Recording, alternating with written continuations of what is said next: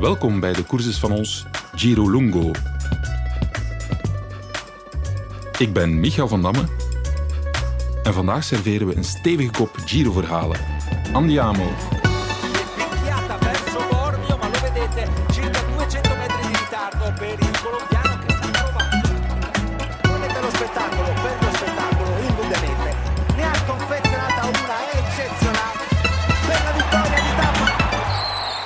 Welkom bij de Giro-podcast van het Nieuwsblad. Vandaag blikt Jasper de Buist vooruit op de 104e Ron van Italië. Eh, ik wens je veel succes, junior. En eh, naar jullie allemaal veel luisterplezier. Welkom bij de courses van ons, de wielerpodcast van het Nieuwsblad in samenwerking met Skoda. Zaterdag start in Turijn de 104e Giro d'Italia. Drie weken lang serveren wij jullie op maandag een Giro Espresso en op donderdag een Giro Lungo.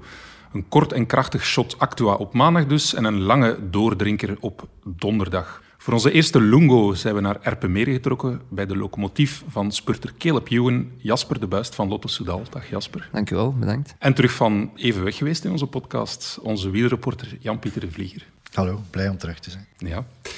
Ja, altijd de traditionele vraag. Heb jij enig idee wie deze podcast ingeleid heeft? Jawel, jawel. Dat is eh, Maxime Monfort, onze, onze nieuwe performance manager. Ja, oké. En op de achtergrond, wie horen we op de achtergrond? Ja, Jules, mijn eh, trouwe viervoeter eh, die waarschijnlijk heel een tijd kort bij zal zijn. Ja, oké, dan weten de luisteraars het ook. Eh, Jules, maar ik, ik hoorde eh, dat hij nog een bijnaam heeft ook. eh. Ja, ja, inderdaad. Het is, het is nogal een voetballer en eh, vandaar is zijn bijnaam Ronaldo ontstaan. En sinds vorig jaar onze lockdown journals is dat zo'n beetje tussen haakjes zijn eigen leven beginnen leiden. Ja. Ja, dus ik zou echt aanraden op YouTube, de lockdown journals van Lotto Soudal. Dan moet je echt eens, eh, eens gaan kijken naar de, de, de balkunsten van Ronaldo. Het is echt indrukwekkend. Ja. Ja, Beter dan zijn baasje? Of? dat denk ik wel, ja. Ik denk eh, in het hooghouden gaat ze wel winnen, denk ik. Ja. Ja, het was echt zo in één tijd en zo de bal terugspelen. Ja, het is, eh, het is natuurlijk een, eh, een zeer nerveus ras van hond. En eh, in het voetbal kan ze haar energie wat kwijt. Dus, eh, dus dat is wel meegenomen. En welk ras is het? Border Collie. Ah ja, oké. Ja. Goed. Maar eh, dus uh, Maxime Monfort, ja, ploegmakker geweest, een Giro meegereden in 2017. Je had hem onmiddellijk herkend uiteraard aan eh, het, eh, het sappig Vlaams. Ja, ik moest even luisteren, omdat ik, eh, ik ben een van de weinigen, denk ik, die altijd Frans spreekt met Maxime. Aha. Dus ik ben niet zo gewoon... Allee, ik hoor hem wel vaak in Nederlands bezig, maar het normale gesprekken tussen ons zijn altijd in het Frans. Eh, dus ik, ik moest even luisteren. Maar ja, het is inderdaad Maxime. Ehm, ja, zelf, ik denk vijf, zes jaar nog ploegmaat geweest. En dan nu... eh Nadien is hij een jaar ploegleider geweest en dan nu is hij performance manager. Dus, eh, dus ja, we werken nog altijd samen. Ja, oké. Hebben jullie trouwens een eh, bijzondere band, eh, Jan-Pieter en Jasper? Wel, ik ben uh, daarnet nog eens door het krantenarchief uh, gegaan. Oké. En er was één ding dat ik me zeer goed herinnerde en dan iets anders dat ik me niet meer herinnerde. Wat ik me zeer goed herinnerde is uh, een interview dat we een paar jaar geleden hadden. Ik dacht origineel te zijn. En uh, ik had een aantal renners samengebracht in de weken voor de Ronde van Vlaanderen die gekwetst waren op dat moment. Mm -hmm. En we hadden toen met drie, met Jelle Wallais en uh, Dimitri Klaes en Jasper, een gezelschapsspelletje gespeeld om de ronde een beetje te simuleren. Maar ik had me slecht voorbereid, de spelregels maar half gelezen en ergens halverwege is dat helemaal in het honderd gelopen, dat gezelschapsspel. De kaarten waren op en plots de rennertjes, het was een gezelschapsspel met wielrennertjes, ja, ja. die, die uh, raakten niet meer vooruit en zo. En het, uh, ja, het verzandde in het niets en ik was heel beschaamd uh, dat dat Weet je dat nog? Ja, ik herinner het mij wel. Ja. Dat is in, volgens mij in 2019. En ik denk dat dat in het hotel in Oostkamp was. Zelf. Helemaal ja. juist. Helemaal juist ja. Dus een poging van de journalist om origineel te zijn, helemaal in het honderd gelopen. Ja, ik, ik, herinner mij niet meer zodanig dat het in het honderd gelopen was. Hè. Ik denk... Uh, ah, ja. Ja. dat was inderdaad in, in, het voorjaar van 19 als ik uh, mijn schouderbreuk had in Paris-Nice, geloof ik. En toen zijn we inderdaad samengekomen met een aantal renners daar die...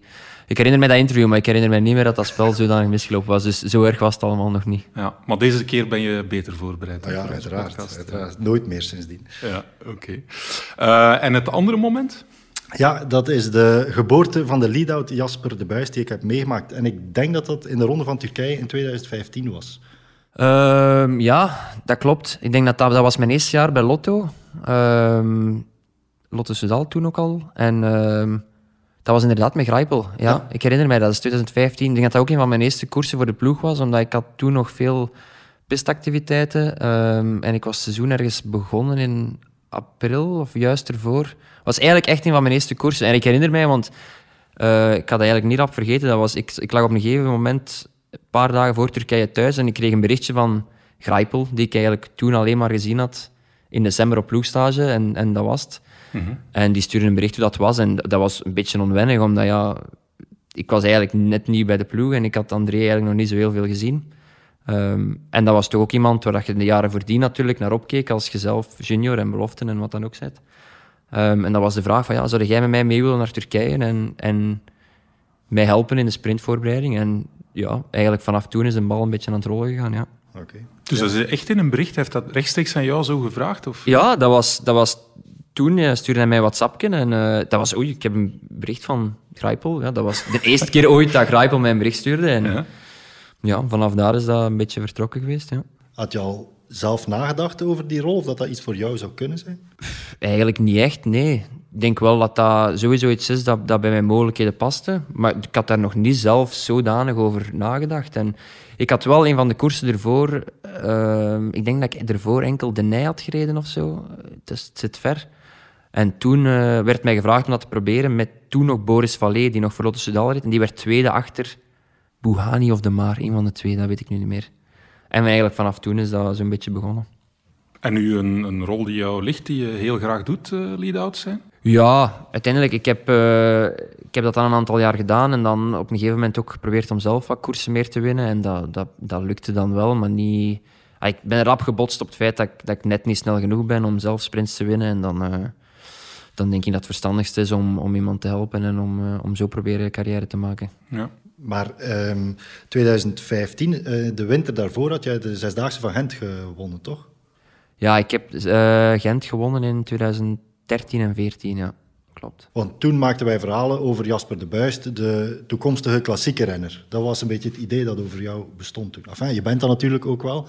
Maar om van daaruit te gaan naar een helpersrol is het misschien toch niet evident geweest. Nee, maar ik ben er op een of andere manier ingerold en ik heb me daar wel in kunnen vinden, denk ik. En ehm, ja, ik ben er eigenlijk nooit nog uitgeraakt, maar ik, ik zeg dat ook niet met een, eh, slecht gevoel of zo. Ik, ik denk dat dat voor mij iets is dat mij ligt. En ik denk dat, dat in het wielrennen ook, de hedendaagse wielrennen ook wel veel, eh, veel druk van kopmannen wordt onderschat. En ik, denk dat dat, ik ben er zeker van dat dat ook niet iedereen gelegen is. En het is bijna van moeten winnen. En, en ik weet niet of dat, dat zomaar voor mij weggelegd is. En ik ben hier ingerold en ja, ik kan me daar eigenlijk wel in vinden. Ehm, en ik denk dat ik wel een aantal koersen kan winnen. En ik heb dat ook gedaan, maar dan eerder koersen van de tweede lijn.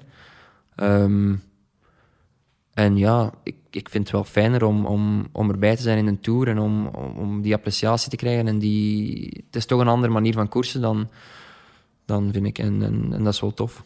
En de laatste lead-out man van de grote sprinters kunnen wij die wel noemen. Hè? Ik, ik wil zeggen, er is eh, appreciatie voor die mensen. Van de grote sprinters, eh, zowel in het verleden als van nu, kan je zeggen, dat is de laatste lead-out man. Dus dat is niet zomaar iets. Hè? Nee, maar of dat dan nu lead-out is, of ik denk ook dat je moet er geen lead-out voor zijn. Ik denk dat ook bepaalde meesterknechten, zoals, zoals Ilio, zoals Tim, die, die worden ook zeer gerespecteerd. Ja. En dat is denk ik... eh, ik denk als je je eigen daarmee kunt verzoenen, dat je... allee, dat, dat, ik denk dat de eerste stap is om je eigen te verzoenen met die rol. Ja, En eens dat dat gebeurd is, denk ik dat je daar, dat je daar best heel veel plezier en appreciatie kunt uithalen. ja. Want eh, wielrennen is ook een beetje uw weg vinden. Zo. Een, een, in heel die kosmos van, van het peloton, uw plaatsje daarin vinden. En ik denk, als je dat kan en als je weet van dat is mijn rol, dat, dat je dat ook wel een beetje meer comfort geeft. En dat, het, ehm, ja, dat, dat je jezelf eh, een beetje duurzamer maakt als, eh, als renner. Ja, ja, uiteraard. Ja. Nee, ik denk ook, en ik heb ook allee, bij deze ploeg ben ik daarin gerold en, en dat is zo verder gerold. En dan is Schrijpel weggegaan. Door leeftijd natuurlijk is er iemand nieuw gekomen. En, en zo blijft dat verder lopen. En, en zolang dat ik hier zit, denk ik dat, dat, dat dit zo zal blijven. En, en daar zit ik ook zeker niet mee in.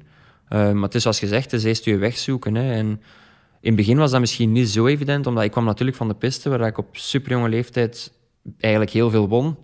Ehm, en dan heb ik bewust gekozen om, om, om meer op de weg te gaan koersen. Terwijl ik eigenlijk ook altijd op de piste kon blijven, maar dat, dat was mijn ambitie niet. Ehm, en dan is dit eruit gekomen en ik ben er eigenlijk best gelukkig mee.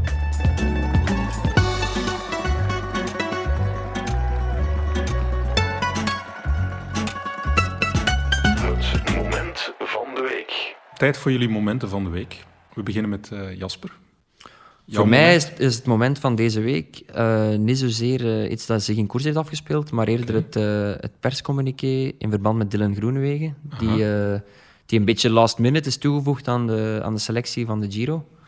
Ja. dus even nog samenvatten, Dylan Groenewegen een jaar niet meer gekoerst, na de bewuste val in de Ronde van Polen. Ehm, met Fabio Jacobsen, hè, dan op non-actief gezet, geschorst geweest. Jan-Pieter, helpt mij. Ja, negen maanden geschorst geweest. Ja, negen maanden geschorst geweest. En nu gaat hij in de Giro terug in competitie komen. Dat is... Ja, daar komt het op neer. Nee, ik weet dat hem in het begin van het jaar was er een, is er een communiqué geweest dat hem toen... Uh, ik denk dat zijn programma toen Ronde van Hongarije, Ronde van Noorwegen... iets kleinere koersen waren. Um, en nu verandert dat dus naar Giro. Ik denk dat dat misschien ook wel een stuk te maken zal hebben met dat veel van die kleine koersen terug gecanceld worden, onder andere Duinkerken en zo. En er zijn ja. terug koersen die wegvallen. Maar anderzijds is, is het wel uh, een coureur, denk ik, die, die thuis hoort in de Giro of in dat soort koersen. Ja. Maar het is niet zonder uh, controverse, want hij heeft heel wat over zich heen gekregen. Hij werd zelfs moordenaar genoemd en dergelijke meer, doodsbedreigingen gekregen. Uh, ja, omwille van de zware gevolgen van de val van Fabio Jacobsen. En nu in de Giro direct in de schijnwerpers. Hè? Gaat hij terug in competitie treden? Dat is niet evident, toch? Hè? Nee, ik, denk dat, dat, ik vermoed dat dat ook wel een van de redenen geweest is waarom dat Jumbo hem, hem meest bewust in, in, een aantal kleinere wedstrijden heeft gestoken. Om, ja, er is natuurlijk een heel stuk minder pers, er is veel minder vergrootglas dat erop zit. En nu in de Giro is dat natuurlijk niet zo. Maar goed, het feit dat, dat Jumbo dat toch doet, vermoed ik, allee, dat ziet er mij nu toch een ploeg uit die, die best wel weet wat ze doen. Dus er zal wel, uh, zullen wel reden genoeg zijn om het, om het nu toch zo te doen. Ik was vorige week dinsdag op de persconferentie die hij gaf, die Groene Wegen gaf. En hij zag er wel klaar uit om te koersen. Hij was duidelijk echt heel strijdbaar en zo mentaal klaar. Fysiek zag hij er ook heel scherp uit.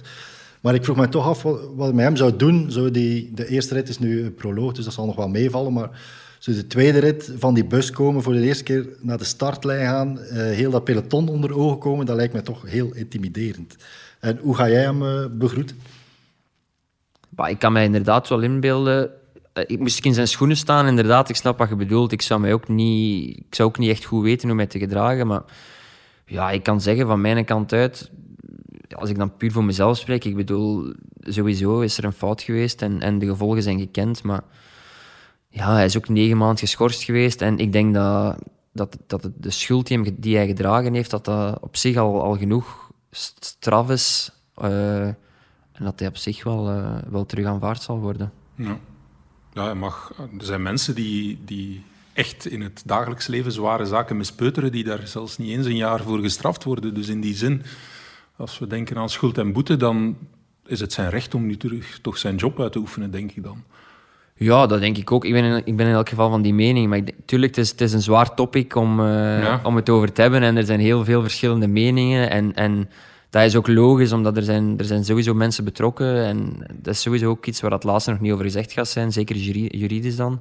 Um, maar goed, hij is terug aan koersen toe. En, en ik ben wel blij voor hem dat dat, uh, dat, dat in de Giro kan. Ik denk, alles dat zal gebeuren, uh, zal, zal een grote uh, opinie over, uh, of een grote golf aan opinies met zich meebrengen. Als hij, als hij wint en hij juicht uitbundig, zullen mensen zijn die dat ongepast vinden. Dus voor hem is het wel heel, heel, heel moeilijk, denk ik, om goed te doen in, die, in heel die situatie. Hij heeft ook een beetje handig gespeeld, zijn er zijn mensen die het zo noemen. Uh, om om uh, te vertellen over het verzoeningsmoment dat er geweest is ja. met Fabio Jacobsen. De, de, meningen lopen daar ook over uiteen in hoeverre dat, dat een verzoeningsgesprek geweest is en dat die uh, daar helemaal op dezelfde golflengte vertrokken zijn. Dus zoals dat Jasper zegt, het zal nog wel een hele tijd een gevoelig item ja. blijven. Het zal zeker nog inkt aan verspild worden. Zeker weten. Ja. Zeg, en acht jij hem in staat om te winnen al? Want dus hij heeft een jaar uh, niet gekoerst. Hij komt direct in competitie, Giro d'Italia. Dat is direct uh, ja, hoog niveau. Is hij, is hij een uh, grote concurrent voor Caleb en, en, de ploeg, voor jou? Bah, ik denk dat Dylan is sowieso wel iemand waar wij altijd rekening mee houden. En, en dat is ook doorheen de jaren uiteindelijk. Zij zijn op een paar maanden na, denk ik, even oud. Dus zij hebben elkaar altijd tegengekomen van bij de jeugd. En zij kennen mekaars capaciteiten. En, en ik denk dat zowel Caleb met Dylan rekening houdt, is ook omgekeerd. En dat ze eigenlijk van elkaar wel weten dat ze elkaar waard zijn. Dus, eh, dus nee, we houden daar wel rekening mee. Maar het is sowieso moeilijk om in te schatten hoe dat hij gaat zijn na, na negen maanden afwezigheid. En ook na de zware mentale belasting die hij gehad heeft, denk ik. En ja, hij dat is wel, dat is wel een kruis dat hij meesleept natuurlijk. Hè. Hoe heeft Caleb gereageerd toen hij hoorde dat uh, Groenewegen deelnam aan de Giro? Ja, Story. Nee, ja, maar Caleb, uh, Caleb en ik hadden er een gesprek over een aantal maanden geleden. Mhm. um, en toen zei ik hem van ja, zijn programma is vrijgegeven, want er was toen een communiqué dat hij naar die kleinere wedstrijden ging. Ja. En, uh, en dan nu een aantal dagen geleden kwam dan dat communiqué en hij stuurde mij wel direct een bericht van ja, Groenewegen is erbij. Um, dus hij, hij, volgt het wel en hij had er wel rekening mee, hij denk rekening ik. Mee, ja, ja, sowieso. Ja. Ik vind het altijd raar als wij dat vragen aan sprinters. Zo van, ja, heb je al bestudeerd wie dat er ook aan de start staat? Oh nee, dat, interesseert mij niet zo erg. Ik ben daar niet mee bezig. Ik denk alleen aan mezelf. Maar dat kan toch niet zo zijn? Want ja, uw winstkansen worden toch in grote mate door beïnvloed. Maar ja, natuurlijk. Ik denk dat dat ook een soort stuk bluffpoker is. Ik denk dat er geen ene sprinter is die, die als een beetje... Ja, ze willen allemaal een beetje zelfzeker en, en stoer overkomen. En dat zullen ze in zekere mate ook wel zijn, uiteraard. Maar ja, het kan niet zijn dat je je, tegenstand en de parcoursen niet, niet bekijkt natuurlijk. Want alles, alles hangt ervan af. En, en je wilt toch weten waar dat gaan begint. Dus, dus ik denk dat ze dat allemaal wel, uh, wel weten uiteindelijk. Ben jij daar enorm mee bezig? Parcoursen opzoeken, tegenstanders bestuderen, ritten kijken? Toen ik jou vroeg van een moment van de week, zei van, goh, dan ga ik Romandie moeten volgen. Dus blijkbaar valt het nog mee met... Uh de manier waarop dat je het wielrennen volgt en dergelijke. Ja, dat valt op zich wel mee. Natuurlijk, de koers die ik zelf rijd, probeer ik mij wel wat voor te bereiden, maar ook niet extreem, omdat ja. tegenwoordig heb je zoveel apps en, en Veloviewer en weather-apps en, en je kunt bijna, en Google Street View, en je kunt bijna alles gaan uitpluizen, maar uiteindelijk, op het moment dat je er komt, is dat toch een soort van tunnelvisie en, en, en staat er, ja, nu natuurlijk niet, maar staat er massas volk en nadars en zie alles er anders uit en dan probeer ik daar ook niet te, te fel mee bezig te zijn. Uiteindelijk ben ik ook wel een renner die in een grote ronde vaak gewoon naar de bus gaat en dan gebriefd wordt van kijk, dit en dit en mm. dit. Ik weet in grote mate wel van ja. wat er komt, maar ik pluis het niet uit. Um, en als ik thuis ben, probeer ik ook... Ja, ik volg de koers wel, maar het is nu niet dat ik ga thuis blijven om, om koers te kijken. Mm. Tuurlijk bepaalde koersen wel. Hè. Als, je, als je thuis zit een dag van Parijs erbij omdat je niet rijdt, dat is wel een koers waar je... Ja. Of als het luik is en je moet vijf uur trainen, dan, dan ga je wel een uurtje vroeger vertrekken om de finale te kijken. Maar het is nu niet dat ik, uh, dat ik elke koers uh, probeer te volgen. Nee. Maar ik uh, sprak erover met, met uh, Morkov en die zegt dat hij voor de koers toch altijd de startlijst bekijkt en dat hij weet van ah, in een sprint, ja, die ploeg komt met een sprinttrein, dus daar kan, dat zal impact hebben over hoe de race verloopt, over hoe de sprint verloopt. Die gasten specifiek staan aan de start, die sprinten zo, die uh, vertrekken vroeg of laat. Dat neemt hij toch allemaal in zich op. Is dat bij jou ook zo? Ja, dat weten we wel. Natuurlijk, je zei veel ploegen hebben een bijna een trademark. Hè. Zoals FDG weet je, die blijven goed samen, die komen laat, die, die hebben de mannen om, om echt laten komen. Quickstep weet dat ook. Je weet, oké, die zijn zodanig sterk. Zelf met andere opstelling, dat zit er zodanig ingeburgerd dat die, dat die toch hun trein hebben. En, en zo weten we wel bij wie dat aan de start staat natuurlijk... Ja, je weet, je weet, natuurlijk weet je...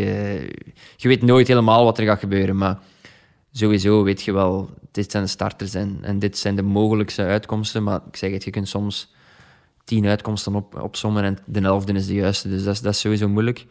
Maar je zit er wel mee bezig, natuurlijk. Ik zou liegen als ik zeg dat het niet zo is. Zijn er zo gasten van, van wie dat je weet van ja, dat is een hond in een kegelspel in een sprint en dat je ontgoocheld bent als die naam op de startlijst ja, dat is natuurlijk een moeilijke om, om nu zo te dat zeggen. Maar, lastige vragen al. Dat, dat is een lastige maar vraag. Maar ze bestaan gewoon wel zo. Gasten. Maar ja, er zijn, natuurlijk, er zijn natuurlijk mannen waarvan dat je weet van ja, als die in de buurt komt, dan, uh, dan, dan liever niet. En je hebt dat ook wel, dat je weet van oké, okay, die komt hier nu weer naast mij wringen, dat is, dat is nu niet weer vandaag. En dan, dan zorg je wel dat je ruimte creëert of zo. En, en die, die mannen zijn ook wel gekend in het peloton. Maar, Als op je magnamen noemen, hè, Jasper? Ja, ik, ga tegen. dat, ik ga dat nu niet doen. Ik denk dat dat... Uh, we moeten elkaar te vaak tegenkomen ja. om, uh, ja. om dat erop te plakken. Ja. Dat is voor het off-the-record gedeelte. Ja, klopt. Na de carrière kunnen we dat misschien eens uh, onthullen. Jan-Pieter, heb jij een moment van de week? Eh, ja, ik heb net als Jasper de Ronde van Romandie eh, niet gevolgd zoals het van een eh, journalist verwacht zou worden.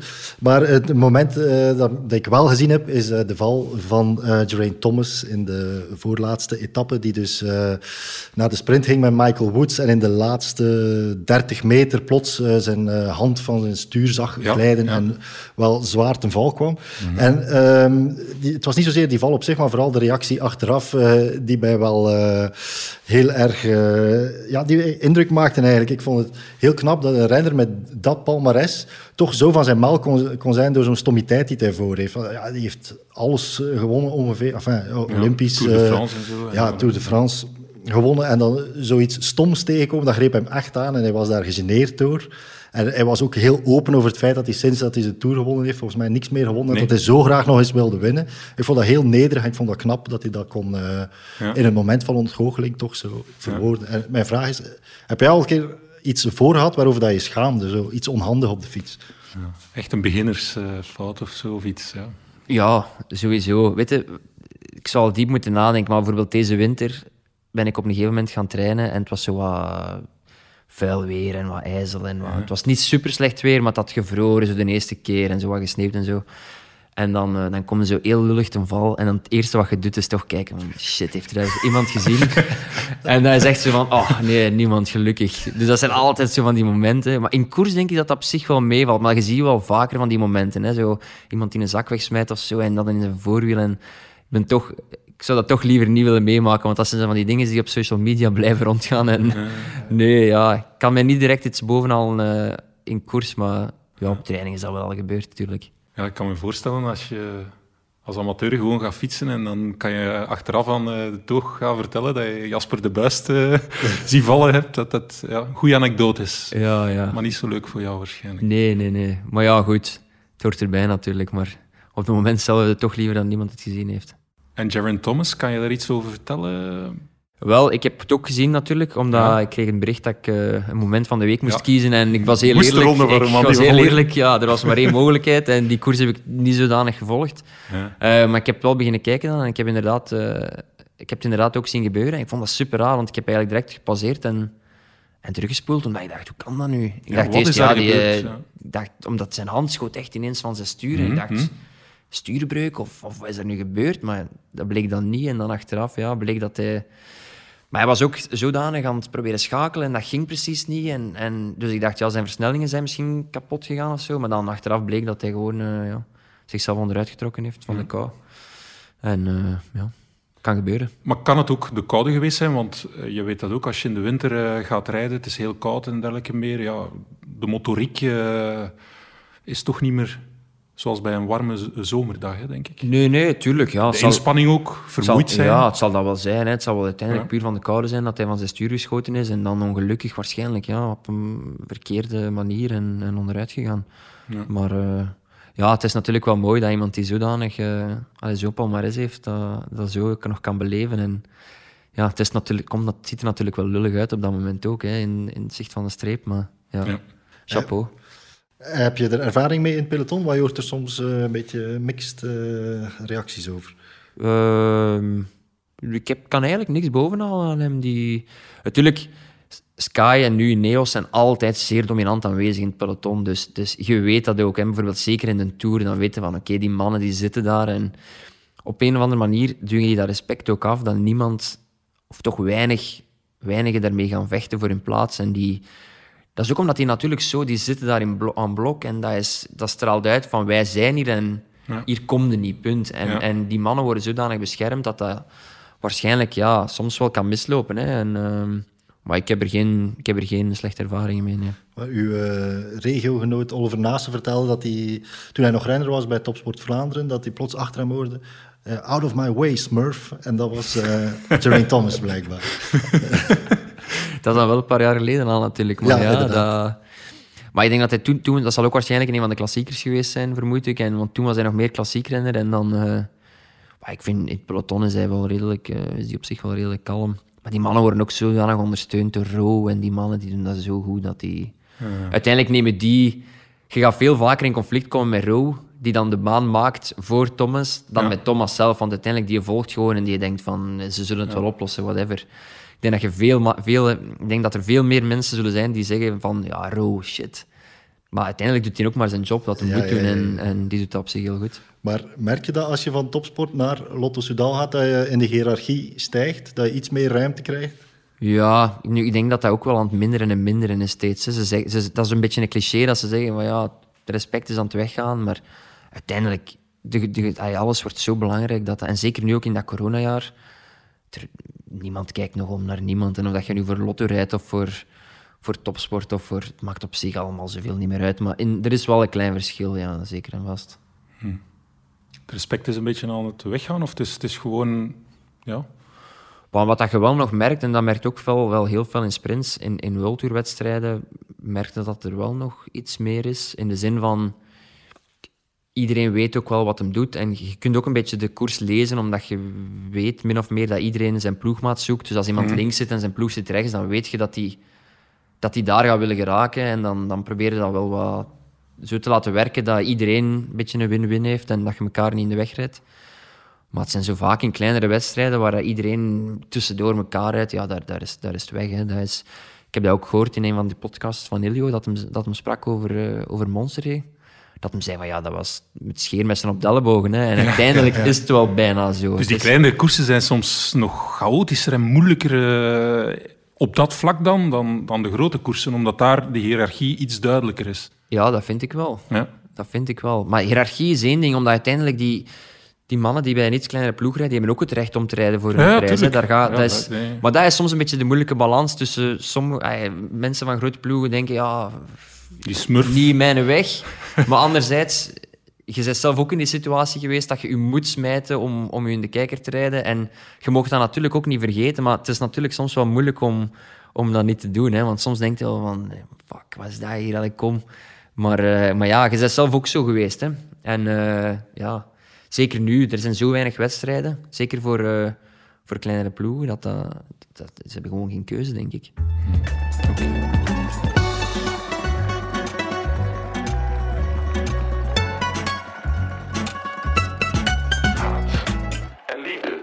Goed, tijd voor onze volgende rubriek, haat en liefde. De Giro laat niemand onbewogen, mooi en gruwelijk tegelijk. In onze rubriek Haat en Liefde gaan we op zoek naar de mooiste, maar ook naar de verschrikkelijkste Giro-herinnering van onze gast. En we gaan eerst luisteren naar nog een kleine anekdote van Maxime Montfort. Hey Jasper, weet je nog, eh, vier jaar geleden in de Giro van 2017, dat was een eh supergoeie sfeer eh, bij ons in de groep. Eh, zeker in de eerste dagen met de, de roze trui van de Gorilla, van André. En dan, een beetje later, was de Giro natuurlijk zwaarder en zwaarder. Maar eh je was altijd eh, goed bezig. En eh wij hebben allemaal gezegd in de ploeg dat je moest een beetje rustiger rijden in de bergrit om te sparen. Want de laatste week was heel zwaar. Maar je deed het niet. Jij was super enthousiast en je blijft mee met de beste een lang, lang, allez, zou ik zeggen. En dan, twee dagen later, eh jij betaalde de prijs. Eh, jij moest eh, afstappen in de 18e rit. Dus ja, slechte herinnering, maar wel een goede ervaring om niet meer te doen. Dus ik wens je de best in de, in de Giro. En ik ben zeker dat je bent een van de belangrijke, if, allez, misschien wel de belangrijkste pions voor eh, onze Caleb en voor onze sprint. Dus eh, veel succes aan u en aan de ploeg. Tot binnenkort. Ja, Jasper, herinner je dat nog? Giro 2017. Een beetje eh, ja, goed gevoel in de bergen, maar dan toch een klein beetje over de rode gegaan. Ja, ik reed eh, in 2017 een Giro. Ik denk dat ik toen 23 jaar was, 24 jaar. En ik ging inderdaad mee als, eh als Lierhout van, eh, van Grijpel, die dan de tweede of derde rit won. Ja, rit gewonnen en roze gedragen. rit gewonnen en roze, ja. Ehm, ah, dat was eigenlijk fantastisch. Zeker die, die dagen, dat was, dat was echt, eh hij was echt een goede groep en dat was, dat was super plezant. Ehm, dat wordt natuurlijk ook een stuk gevoed door, door het resultaat op zich. Ehm, en ja, op een of andere manier ben ik mezelf daar tegengekomen. Maar dat is ook iets dat mij, dat mij nooit nog gaat overkomen. In de zin van... dat was ook vooral een stuk mentaal. Omdat dat was de eerste keer dat ik, dat ik echt geconfronteerd werd met... Ik rij hier helemaal van achter. En je rijdt in niemandsland voor een bezemwagen in een groepje en je denkt van, amai, dat dat, dat mij erover komt en je hebt daar geen ervaring mee en, Ja. en je smijt een handdoek. En op hetzelfde moment denk je van, amai, deze had ik niet mogen doen, maar dan is het te laat. Dus wat zeg je, had misschien toch nog verder Ja, in principe, gaan, of- ik, ben, ik ben ondertussen wel, doorheen de jaren ben ik wel van het principe van, in principe kun je altijd uitrijden. Zolang dat je niet ziek wordt, zolang dat je niet zwaar valt. Je kunt een slechte dag hebben, maar de tijdslimiet halen.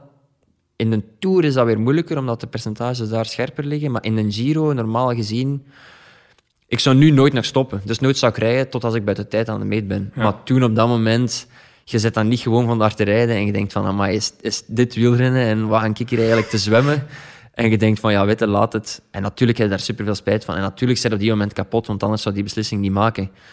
Maar doorheen de jaren leerde je wel van, oké, ik moet naar de streep en morgen is een nieuwe dag. En we zien wel aan de streep wat dat wordt. Dus dat is wel veranderd. Maar neem ons eens mee naar dat moment dat je, dat je opgeeft. Dus je, je rijdt daar... Je reed alleen voor de bezemwagen? Of was je in een groepetto? Of... Ik denk dat we, als ik het mij goed Hoe herinner... ellendig was het op dat moment? Probeer het te beschrijven. Maar ik reed eigenlijk al heel de Giro vrij vlot en ook bergop. Ja? En ineens na twee weken, 15 dagen, werd ik geconfronteerd met, of 16 dagen, met echt, ja, dat ging niet meer. En ik, ik reed ineens van achter en ik werd gelost. En ik zeg, wat is dat hier? En ik werd gelost, denk ik, met drie, vier renners of zo. En, en eh, ja, ik zag het niet meer zitten. Ja. Dat, dat, we waren ook al zodanig ver achter. En het, het, het jammerste aan heel de zaak was, s'avonds keek ik in de uitslag en die drie renners die bij mij waren, die waren gewoon binnen tijd. En dan had ik echt iets van, wat heb ik nu gedaan? Maar goed, ja, weet je, je pakt een beslissing en je pakt een beslissing. Hè, en eh, zo marcheert het natuurlijk. En dat is dan de remmen toeknijpen. Wie pikt je dan op? Of hoe, hoe gaat ik ben dat? toen ingestapt, denk ik, bij de tweede wagen, denk ik. Ja. Ik denk dat dat Frederik Willems was, als ik me goed herinner. Ja. Nemen ze dat kwalijk in de Ja. ploeg of niet? Op dat moment werd mij dat niet echt kwalijk genomen, omdat dat was rit 18, denk Ja. ik. En er waren nog twee bergritten Oké. Ja. en een tijdrit. Dus op, op zich viel er daar voor mij niks meer te rapen. Maar natuurlijk, je wilde altijd aankomen. Ja. Ehm, ja, achteraf heb ik dat dan niet gedaan. Ik heb opgegeven. En in plaats van dan door te rijden, heb ik het weekend nadien een koers gereden in België. En ik heb ze gewonnen. Dus op zich hebben ze mij dat niet, niet lang kwalijk Welke genomen. koers was dat? Dat was een eerste pijl. Ah ja, Toen, ja. ja. ja, ja. Dus op zich hebben ze mij dat, ze gaan me dat zeker niet lang kwalijk genomen hebben. Nee. Dus je had nog schöne benen om een koers te winnen, eigenlijk. Ja, dus ik ben rap hersteld. maar uiteindelijk dan wel een goede beslissing. eh. Ja, je kunt het zo noemen achteraf natuurlijk. Maar ik had toch, moest ik het opnieuw mogen doen, ik zat het toch anders in. Ja. Omdat ondertussen zijn we zoveel jaar verder. En ik ga nu een derde keer een Giro rijden en ik heb hem nooit uitgereden. Natuurlijk, de tweede keer... Wat was twee- eh, 2019 was de tweede keer, maar toen Ja. leek het mij precies een, een soort van geplande ja, exit. ja, dat was gepland. Ja. Ik ging toen ook naar een tour. Voilà. Ehm, en ja, dat was ook gepland. Ik, had toen, ik kwam toen ook terug uit het blessure en er was gepland van inderdaad om tweede rustdag te gaan. Hm. Al die dagen mee te nemen en dan eh, even naar huis te komen, een paar dagen te rusten en voor te bereiden op een tour. Dus, eh, dus dat was gepland. Maar eh, ja, ik zou het toch anders doen nu. Is uw lot gekoppeld aan Ewan normaal gezien? Zolang dat hij mee gaat, blijft, gaat hij ook mee? Of eh, Ja. niet per se? Ja. Ja. En wat is het plan om uit te rijden? Want de Giro is altijd zo dat eigenlijk op het, in het begin zijn er heel veel eh, spurtkansen, de eerste twee weken. Maar dan de derde week wordt het echt zwaar, bergritten. Het is ook een, een tijdrit helemaal op het einde. Dus eigenlijk op het einde valt daar geen eer meer te rapen voor eh Ewan. Dus wat is het plan? Is het plan om, om uit te rijden? Of ja, wordt er nu al rekening gehouden met... Ja, waarom zouden we die, die, die bergritten en die tijdrit nog doen? eh? Maar het ding is sowieso, dit jaar in de winter was het plan om, eh, om alle drie de grote rondes te doen met Johan. Omdat hij wil in één jaar tijd proberen alle drie een rit te winnen. Dus Ja. ik vermoed dat alle drie uitrijden is, is geen Dat zou optie. waanzin dus, zijn eh, eigenlijk. Ja. Dus ik veronderstel dat dat sowieso niet zal gebeuren. Ehm, maar hoe of wanneer en welke ronde dat we niet zullen uitrijden, dat, eh, ja. Ja. dat zal een beetje blijken ook. Hè. Ik denk dat de Tour uitrijden gebeurt sowieso, want voor Champs-Élysées stapte niet af. Dat is, ja, dat is... En ook de Tour wilde gewoon uitrijden. Op die Champs-Élysées en dat is een van de mooiste momenten van het jaar. Ja. Maar ehm, ja, die andere gaan we denk ik wel zien hoe dat, eh, hoe dat loopt. Ja. De hond is het janken, omdat jij over, uh, op, eh, de Champs-Élysées. en de Champs-Élysées vertelt. hè. Ja, ja, die hond... eh, Die ja. voelt zich eenzaam tijdens de Tour waarschijnlijk. Ja, ik veronderstel van wel, ja. maar ja, goed. Ze weet wel dat ik terugkom. Maar de Champs-Élysées is wel een finish die jullie zeer goed ligt ook. Hè? Is dat een, anders dan andere aankomsten? Waarschijnlijk wel, want het is heel breed en zo'n heel specifieke aanloop er naartoe. Ja, het ding is, eh, er is wel veel veranderd. Hè. Het is niet meer zo breed. Sinds, eh, sinds een aantal jaren, als je een tunnel uitkomt, is dat nu eh, een soort van fietspad of zo dat ze daar gemaakt hebben, zeker. Waardoor dat, vroeger was dat super breed. En nu is dat bij het uitkomen van een tunnel is wel positie super belangrijk. En dat is vorig jaar inderdaad wat misgegaan. Maar eh, ja, het is sowieso een kippenvel moment. Hè. Ik denk, als je daartoe komt, dan... Je bent eigenlijk, het is eigenlijk moeilijk om jezelf nog te concentreren. Gewoon omdat je, je bent zo blij dat je een tour hebt uitgereden. En dan, ah ja, oh, vandaag nog. Oké, dat lukt op zich wel, maar dat is altijd wel, eh, altijd wel even reality check terug. Zijn je een feester of niet na de tour? Eh, ja, vorig jaar natuurlijk niet door eh, Ja, corona, maar eh, ja, het jaar voordien was dat wel tof natuurlijk. Hè. We hadden dan juist Champs-Élysées gewonnen en, en vier ritten. En eh, ja, dan zijn we natuurlijk wel iets gaan drinken daar, ja. Maar dat is een soort eh, discotheek waar dat heel peloton dan is. Of, eh, Ja, meestal heeft elke ploeg zo zijn eigen, eh, zijn eigen eh, diner eerst met sponsors en zo. En dan, eh, ja, nadien is het een beetje verdeeld. En sommige coureurs zakken af naar de discotheek, andere coureurs gaan, gaan natuurlijk slapen. En, en hun vrouw is er en, en blij van weerzien. En soms zijn zelfs de kinderen erbij bij sommige renners. Maar eh, ja, je vindt er altijd wel een paar in die discotheek ook, ja.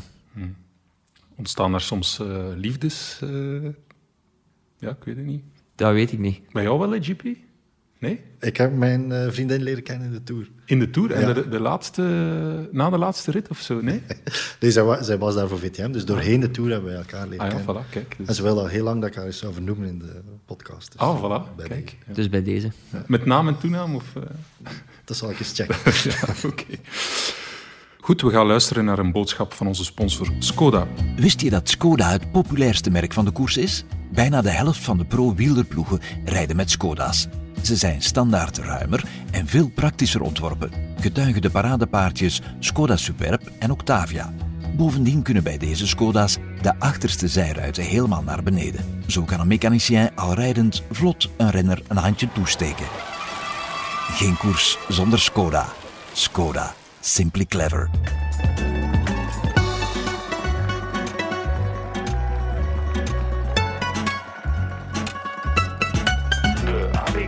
Quiztijd. We hebben een nieuw quizconcept voor de Giro. We blijven het simpel houden. Ik vuur vragen af en die gaan over de rijke geschiedenis van de Giro. Er zijn telkens twee mogelijke antwoorden, A of B. Vandaar de A-B-quiz. En eh, Jasper en Jan-Pieter die hebben hier een roze formulier, antwoordformulier gekregen en daarop eh, moeten ze dan A of B eh, schrijven. Dat is opdat jullie niet eh, de antwoorden op elkaar zouden afstemmen. Vooral met Jan-Pieter moeten we opletten, want die probeert altijd wel zo een manier te vinden om toch een voordeel... Het bord van een ander leeg te eten. Ja, voilà. Oké. Goed, de eerste vraag, klaar voor? Klaar voor. Ja. In de eerste en de derde Giro ooit legde de Italiaan Giovanni Rossignolo het parcours het snelste af van alle deelnemers. Toch heeft hij officieel nooit de Giro gewonnen. Hoe komt dat? Antwoord A is, het klassement werd toen niet op basis van de tijd, maar op basis van punten opgemaakt. Of antwoord B, Rossignoli werd twee keer betrapt op het nemen van de trein. Dus is het omdat het klassement op basis van punten was of het nemen van de trein? Je mag het antwoord eh, noteren. Dus was eh, in 1909 en 1911 was dat, was hij telkens veel sneller dan zijn concurrenten. Toch heeft hij de Giro officieel niet gewonnen. Jasper, wat heb jij genoteerd? Ik vermoed dat A zal zijn, omdat er wel een tijd is geweest dat er eh, volgens mij op punten werd geteld. Maar ik heb B geantwoord, omdat dat de romantiek van de koers van toen wel een beetje inhoudt, denk ik, dat je op de trein kon nemen. Ja. Dus ik houd op B. Ja? Ik heb ook B, omdat ik denk dat dat soort verhalen u aanspreken. Ja, het is verkeerd. Ja, Jasper, je had jouw eerste Ja. gedacht moeten volgen. Hè? Ja. Nee. Dus het was inderdaad een klassement op basis eh, van punten. De eerste vijf jaar was het op basis van punten. En dan de eerste renner kreeg eh, één punt, twee, drie in de uitslag. En dat ging tot 50. Vanaf 51 kreeg iedereen 51 punten. En op het eind van de Giro moest je zo weinig mogelijk punten halen.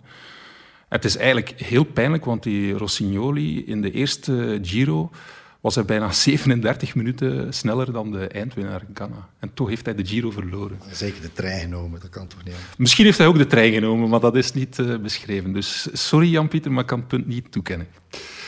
Goed, vraag 2. Het beroemdste symbool van de Giro is natuurlijk de roze trui. Sinds wanneer wordt die uitgereikt? Is dat A, sinds 1909, de eerste Giro, of B, pas sinds 1931? Jan-Pieter, wat heb jij genoteerd? Eh, ik ga voor B. Ja, 1931, Jasper. Ik heb eigenlijk hetzelfde antwoord. Ja, en dat klopt. Het is 1-1. Ehm, ja, dus eh, in 1919 was er eh, in de Tour de gele trui. En eigenlijk de organisatoren van de Giro hebben zich daar dan op gebaseerd een aantal jaar later. Maar in het begin was er geen leiderstrui voor, eh, voor de leider. En die roze kleur komt van de... Gazette. Ja, maar de Gazzetta dello Sport, eh, het papier waarop de, gazette is, eh, de Gazzetta is gedrukt. Maar in de eerste jaren eh, werd die op groen papier gedrukt trouwens. Het is ook nog niet van in het begin roze. Voilà, 1-1. De derde vraag. Ja, één ding is zeker. Remco Evenepoel die wordt niet de jongste Giro-winnaar ooit. Wie was dat? Is dat A. Eddy Merckx in 1967 of B. Fausto Coppi in 1940? MotoGP uh, zwiert hier het antwoord erop, dus die is vrij zeker, denk ik. Jasper? Ik heb B geantwoord, maar het is eigenlijk een pure gok. Ja. Wat heb jij geantwoord? B. Ik denk dat het juist is. Ja, denk je het? Of, uh, ja, het is juist, inderdaad. Fausto Coppi was in 1940 20 jaar en 158 dagen. En Remco is 21 jaar. Ik heb hem ooit een keer voorgelegd of dat hij het jammer vond dat hij niet de jongste ooit meer kon zijn toen uh, de Giro uh, uitgesteld werd. Ah, ja. En toen was zijn, op, zijn kans om de ja. jongste ooit te zijn ook verkeken. Okay. Hij vond het wel een beetje jammer. Eddy Merckx, die was uh, dus in 67, die won de Giro zes dagen voor zijn 22e verjaardag. Dus Remco is net... Dus hij kan wel jongste Belg worden om de Giro te winnen. Zie jij hem ertoe in staat, Jan-Pieter? Uh, maar hij gaat als helper, hè?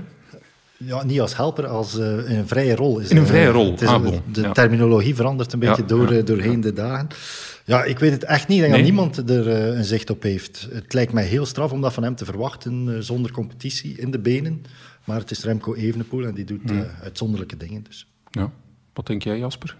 Bah, het is sowieso natuurlijk, hij komt terug uit een lange blessure. En ik denk inderdaad dat dat niet verwacht mag worden. Maar anderzijds, als je, als je voorbaseert op wat hij vorig jaar gepresteerd heeft, dan, uh, ja, dan denk ik wel dat hij, dat hij zelf ook wel bepaalde verwachtingen heeft. En uiteindelijk, als je even een pool noemt, kun je bijna in ene na een Pogacar noemen. En dat zal toch ook wel... Dus ik veronderstel wel dat hem... Allee, ik, ik verwacht het niet, maar ik denk wel dat hem... Uh, ik zie het wel gebeuren, ik zal het zo zeggen. Ja. Ik denk wel dat hij in staat is om dat te doen. Alleen, ja, het zal moeten blijken. Het is drie weken, dat heeft hij nooit gedaan. Maar ja. wie durft er nu nog zeggen over Evenepoel Ja, van... Ik denk inderdaad. het niet. Ik bedoel... Ik weet dat er heel veel uh, gezegd en geschreven geweest is als hem, als hem uh, dat eerste profcontract tekende. En dan was het uh, te jong en hij kon niet sturen en hij kon niet dalen. en wat is er allemaal gezegd geweest? Ja, en ja. uiteindelijk is dat denk ik allemaal wel redelijk van de kaart geveegd. Ja. En als je dan ziet, vorig jaar wint hij denk ik elk rondje dat hij gereden heeft. Plus overal een rit, als ik me niet vergis. En uiteindelijk, als dat in Lombardije niet gebeurt, dan vorig jaar in een Giro wil ik het nog wel zien. Ik denk dat hij daar op zich ook wel ver had geraakt. En uh, Ja. ja, we gaan het zien. We gaan het binnen de dikke drie weken weten. Is dat iemand dat jij veel contact mee hebt? Nee, niet zo heel veel. Nochtans, we zijn wel afkomstig van dezelfde streek. Maar er is natuurlijk wel een, uh, allee, een, een leeftijdsverschil. Een generatiekloof. Ja, maar ik, eh, voor de weinige gesprekken die ik met hem gehad heb, is dat, ik vind dat wel een sympathieke kerel, ja. En, uh, nee, zeker en vast. Ik heb toen ik googelde uh, de buist Evenepoel, toen vond ik uh, Frankie de Buist en Patrick Evenepoel. Dus dat is jouw vader en zijn vader, die hebben nog tegen elkaar gekoerst. En ik vond een koers in 1991 waarin Patrick Evenepoel won uh, en hij klopte in de spurt jouw vader, die was derde. Ha, grappig. Ja, inderdaad. Dat is dus... zich wel grappig. Nee, maar ja, ik denk dat Patrick en, en Remco zijn van Schepdal afkomstig, zeker. Ja. En ja, mijn ouders wonen in Assen, dus uiteindelijk is dat... Ja. Dat zullen waarschijnlijk wel zo wat twee streekrenners van toen geweest zijn, ja, rond Brusselse. Dus elkaar wel... Als die even oud zijn, ik weet het niet juist, ik heb hem er nooit over gesproken, maar die zullen elkaar wel, uh, wel geregeld zijn tegenkomen dan, ja. Ja, ja dus uh, dat is het. De, de sterkste link die Google terugvindt, zijn jullie vaders. Ah, oké. Okay. Tof. Maar misschien niet zo'n fijne herinnering van, voor jouw vader als hij geklopt is in de spurt. Wow, hij zal, we zullen er wel in kunnen vinden, denk ik. Oké. Okay. Is er nog iets over uh, Evenepoel wat we moeten vert uh, vertellen? Of gaan we het gewoon zien, wat het geeft? Uh... Ja, we gaan, het, we gaan het moeten zien. Is, ja. Het is voor ons als journalist echt moeilijk om daar hoogte van te krijgen. Het is moeilijk om inhangen te vinden zo in, ja. rond Remco, die logischerwijs wel ja. tamelijk afgeschermd wordt. Mm -hmm. Dus voor mij is het echt een beetje een onbekende. Ja. Oké. Ja, het is in elk geval een extra pigment voor die, die ronde. Ja, ik denk ook op zich eh, is het wel echt iets om naar uit te kijken als België zijn. Hè. Ook al lukt het nu niet, uiteindelijk zijn debuut zal, het zal sowieso een debuut zijn dat niet snel gaat vergeten worden. Hè. Ik denk dat we daar bijna zeker van mogen Ja, zijn. En eh, ja. of dat dat dan uiteindelijk tussen haakjes maar met een rit of zo is, of, of uiteindelijk met het eindklassement, ik denk dat het sowieso wel in orde zal zijn. En ik heb toevallig ook nog een foto gezien van hem deze week, Mhm. eh, ergens op Instagram, dat hij eh, in Dardenne aan het trainen was. En ik Ja. vond hem toch wel super scherp staan. Ja? Dus eh, ja, ik denk dat hij op zich wel... Ik denk dat hij de druk wel wil afhouden en dat is ook logisch. gelijk. Ja. Maar ik denk dat hij wel, wel zeker klaar zal zijn, ja. Ja, oké. Even in herinnering brengen, het staat 2-2 in onze quiz. Dus we gaan naar de vierde vraag over. De dertiende etappe van deze Giro die loopt van Ravenna naar Verona. En dat is een ode aan een bekende Italiaan. In Ravenna ligt hij begraven. De vraag is, wie is dat? Is dat A. Luciano Pavarotti of B. Dante Alighieri? En dus Pavarotti is een tenor en Alighieri is een schrijver. A of B? Rare vragen, hè? Nee, maar het is, het is eh, echt een, eh, een ode aan een heel bekende Italiaan. Jasper? Ehm, ik ga terug voor B, maar het is ook weer een pure gok eigenlijk. Ja. Oké. Ja, bij mij is de hok A. Aha, dus nu kunnen we onderscheid krijgen. Jasper heeft het binnengehaald. Het was inderdaad Dante Alighieri. 700 jaar geleden overleden. Ja, voilà. En het grappige is dat er een, ehm, in Firenze is er een lege graftombe van hem. Want hij is geboren in Firenze, maar hij werd verbannen daar om politieke redenen, eh, politieke religieuze redenen. En eh, jarenlang heeft eh, Firenze geprobeerd om zijn lijk naar Firenze te krijgen, maar dat is niet gelukt. En dus ligt hij nog altijd in Ravenna. Dus ik geloof dat het een spurtersetappe is, dus wie weet. Ja, de 13 is een Ja. Ah, ja. voilà, kijk, dat, ja, dat, weet, ik. Ja. Dus wie weet. Wie weet eh, wordt er een boek gegeven aan de winnaar of zo van Dante. Zou kunnen. Oké. Dus 3-2. Eh, laatste vraag, GP. Je kan nog gelijk maken of helemaal eronder doorgaan. Het is een lange vraag. Johan de Munk, dat is de laatste Belgische Giro-winnaar. Jan-Pieter, je hebt hem geïnterviewd voor de krant vorige week, dus misschien ben jij in het voordeel. Dat was in 1978 dat hij de Giro won. Trouwens, de laatste Belg die een grote ronde gewonnen heeft. Ja. Minstens even beroemd is ook de Giro van 1976, waarin de Munk in de afsluitende tijdrit de roze trui verloor aan Gimondi. En waarom was die Giro bekend? Roger de Vlaming die kreeg de banbliksems over zich heen. Hij zou zijn ploegmakker en streekgenoot de Munk niet hebben willen helpen. Welke wraakactie tegen de Vlaming werd er op het getouw gezet in Waarschoot, de woonplaats van de Munk? Antwoord A is dat de KSA van Waarschoot die had- op de kermis een auto staan met een grote foto van de Vlaming op. En voor vijf frank mocht je een klop geven op die auto met de voorhamer. Of B was dat dat er op het dorpsplein van Waarschoot een standbeeld opgericht werd van de Vlaming met duivelsoren waarnaar met tomaten werd gegooid. Dus de auto van de KSA waar je met de voorhamer kon op kloppen. Of was het het standbeeld met de duivelsoren? Jasper. Ik denk A, omdat ik kom wel eens geregeld in Waarschoot Aha. en er staat geen standbeeld. Dus tenzij dat verwijderd is, kan antwoord A al niet kloppen. Ja, Oké, maar het is niet dat jij ooit... eh, nee, je was nog te jong. je hebt nooit op de kermis van Waarschoot rondgelopen. Waar Nee, ze- nee, nee. Ja, ik denk niet dat het nu nog gebeurt. eh. Ik weet dat het A is, want Roger heeft mij ooit verteld dat zo. Ja, eh, het is inderdaad A. Ja. Het was eigenlijk, eigenlijk wel straf, hè? Hoe, hoe groot die haat was. Allee, we hebben het over de Groenewegen gehad, maar dat is eigenlijk vergelijkbaar. Hè? Dus een, een auto met een beeltenis van Roger de Vlaming en voor vijf frank kon je daarop kloppen als waarschotenaar om, om wraak te nemen. En eh, eh, Johan, de Munk heeft mij ooit ook verteld, en die voegde eraan toe, geld dat die mannen van de KSA verdiend hebben. Op zich wel een grappig verhaal natuurlijk. Ja, inderdaad. Maar we spreken vaak over hè, nu de tijden van, van sociale media. En, maar in die tijd konden we, ja, kon het ook wel hevig gaan, hè, blijkbaar. Zelfs zonder sociale media, als je dat hoort. Ja. Ja. Maar eh, Betty, de vrouw van Johan, had Roger een landverrader genoemd. Ja, in de krant. in de krant. Dat hadden gemoederen ook wel. Ik geloof in, in onze krant, in het nieuwsblad. Hoogstwaarschijnlijk. ja. Ook toen waren journalisten al sensatiebelust. Inderdaad. Ja, ik denk dat ook. Ik denk er is ook zo'n bepaald fragment van, eh, van de Ronde van Vlaanderen. Van, hoe zit dat weer met die visboer die staat te roepen aan het podium? Dat is ook van die tijd ongeveer. Met... Ah, Ja, ook met Roger. Ik weet, ja, het is ook met Roger, maar ik weet niet meer hoe dat juist wacht, ineen zat. weet jij, ken jij het verhaal? Of? Ehm, ja, ehm, Ik- Freddy ik- Maarten zat op de, Koppenberg van fiets. Koppenberg een fiets gekregen. Ja? En die was uit koets gezet, maar die heeft natuurlijk heel die ronde van Vlaanderen, Roger de Vlaming, op sleeptouw genomen. Ja. Waardoor dat die de ronde gewonnen heeft. Ja. Maar daar was eh, uiteraard eh, veel discussie over, omdat hij in de slag zat met Freddy Maartens. ja. En wat is er dan gebeurd? Er stond een befaamde visboer of zoiets aan het podium te roepen. Roger de Vlaming krijgt de Ronde van Vlaanderen. Inderdaad. Zoiets was het. Onbeschoomd direct. Ja. Ik herinner het mij uit een of andere Belgasport. Ja, ja, ja, ja. eh, maar inderdaad, in die tijd, ik denk dat er toen ook wel eh Ja. zotte stoten gebeurd zijn, om het zo te zeggen. Nu, Roger heeft wel heel wat controverse opgewekt. Hè? Zo, ja. ja, tot op heden nog altijd. Ja. Maar wij zijn fan, hè? Ik ben fan, ja. Absoluut. Ehm, let jij daarmee op met sociale media en dergelijke meer eh, als, als renner, als bekende, bekende Erpenmerenaar? Maar ik denk dat je sowieso wel moet opletten, dat je nu renner bent of niet, de dag van vandaag, dat je wel moet opletten met wat dat je online zet. En zeker als renner, eh, allee, uiteindelijk vertegenwoordig je toch ook een stuk van je, van je sponsors. En Ja, het is toch allemaal aan elkaar gelinkt, zeker online is, is, is de link zeer opgelegd. ja. Ehm, maar ik ben niet zo'n fervent social media Nee? poster eigenlijk.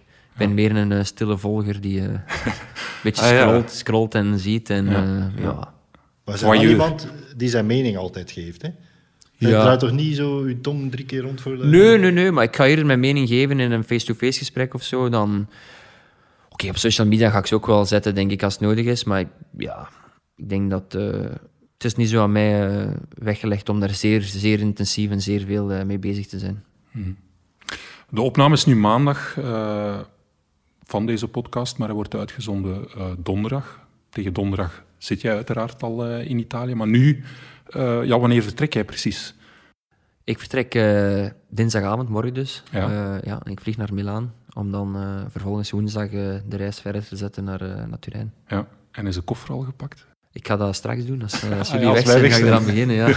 Is dat een stressy moment? Want, of, ja. Nee, op, op zich is dat op zich, of dat je nu voor een week pakt of voor drie weken, dat is uiteindelijk bijna hetzelfde, omdat alles wordt toch gewassen. En oké, Ja. je neemt wel rapids reserve mee, maar zo heel veel, eh, heel veel scheelt dat niet. Hmm. Ehm, nee, maar ik heb er eigenlijk op zich ben ik er altijd rap klaar mee. En dat is natuurlijk ook iets dat, ja, Ja. dat is zodanig veel. Dat Ja, ja, dat is waar. Ja. Uiteindelijk zijn dat standaard stuks die erin vliegen en dan... eh, Ja. Gaat er iets speciaals in voor drie weken? Nee, niet echt. Nee? Nee, ik zou niet direct weten. Mijn, hoofd, mijn hoofdkussen, dat is altijd iets dat ik meeneem. Ah, ja, nee, Maar eh, weinig speciale, Ja. speciale dingen eigenlijk. Geen boek, eh, bepaalde spelletjes, geen PlayStation of zo.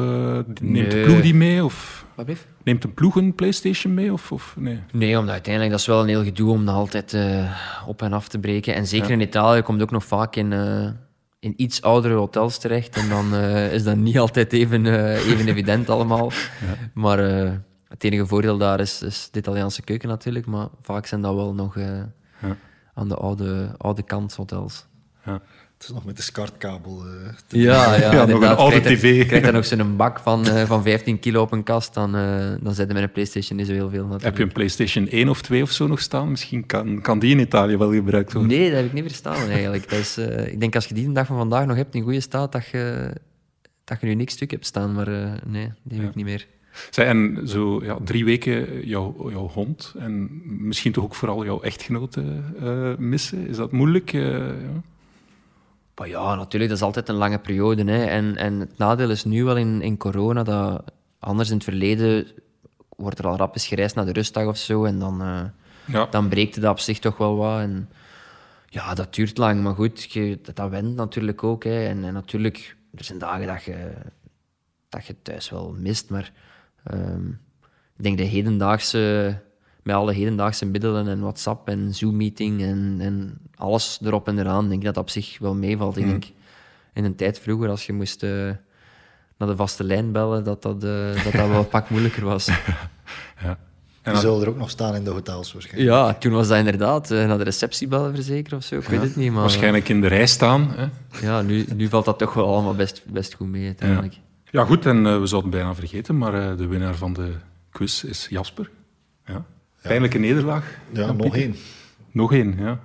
De volgende keer eh, ga je toch straffer uit de hoek moeten komen met ergens met, ja, met papieren te ontfutselen of dergelijke meer. Ja, inderdaad. Ik moet eerlijk zijn, het was wel het, eh, het betere gokwerk eh, hier en daar, maar goed. Beetje je, moet geluk. dat niet, je moet dat niet zeggen, hè? Ja, maar goed, eerlijkheid, eh, eerlijkheid brengt het verst, denk ik. Ik denk dat eh, bepaalde vragen niet zo, niet zo heel simpel waren om te Ja, weten. ja, ja, van een tijd toen wij allemaal nog niet geboren waren. Klopt. Goed, pronostiektijd. Ja, wie wint de Giro? Jan-Pieter. Ik zou gaan voor Egan Bernal. Ja, waarom? Omdat ik denk dat hij eh, zijn plaats eh, aan het firmament weer wil eh, afbakenen. Ik denk dat hij goed in vorm zal zijn. Een beetje onbekende, want hij zou Tour of the Alps rijden. Is daar zeer laat voor vijf voor gegeven. Maar die zal wel zeer goed trainingsblok gehad hebben in Colombia.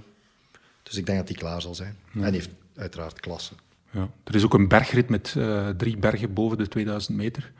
En dan komen Colombianen altijd bovendrijven. Dus dat moet misschien wel zijn moment worden.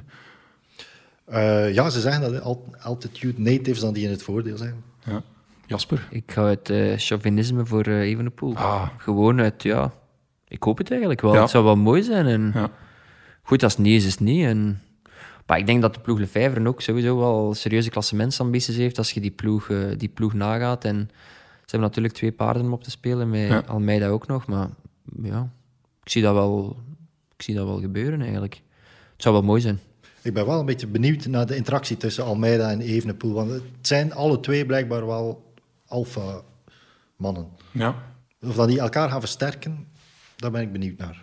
Maar ik denk als puntje bij paaltje komt, dat de hiërarchie daar ook wel vrij duidelijk is. Hè. Ik denk dat Evenepoel uiteindelijk toch wel de bovenhand heeft. ja. Zou ik toch vermoeden. Als hij zijn beste niveau haalt. Als hij zijn beste niveau haalt, inderdaad. Maar als hij zijn beste niveau niet haalt, gaat, gaat die vraag zich ook niet voordoen. Want dan, En zou als hij, dan gaat Almeida wel... Uiteindelijk heeft, heeft hij ook top 5 gereden vorig jaar. ja, dus ja, ja.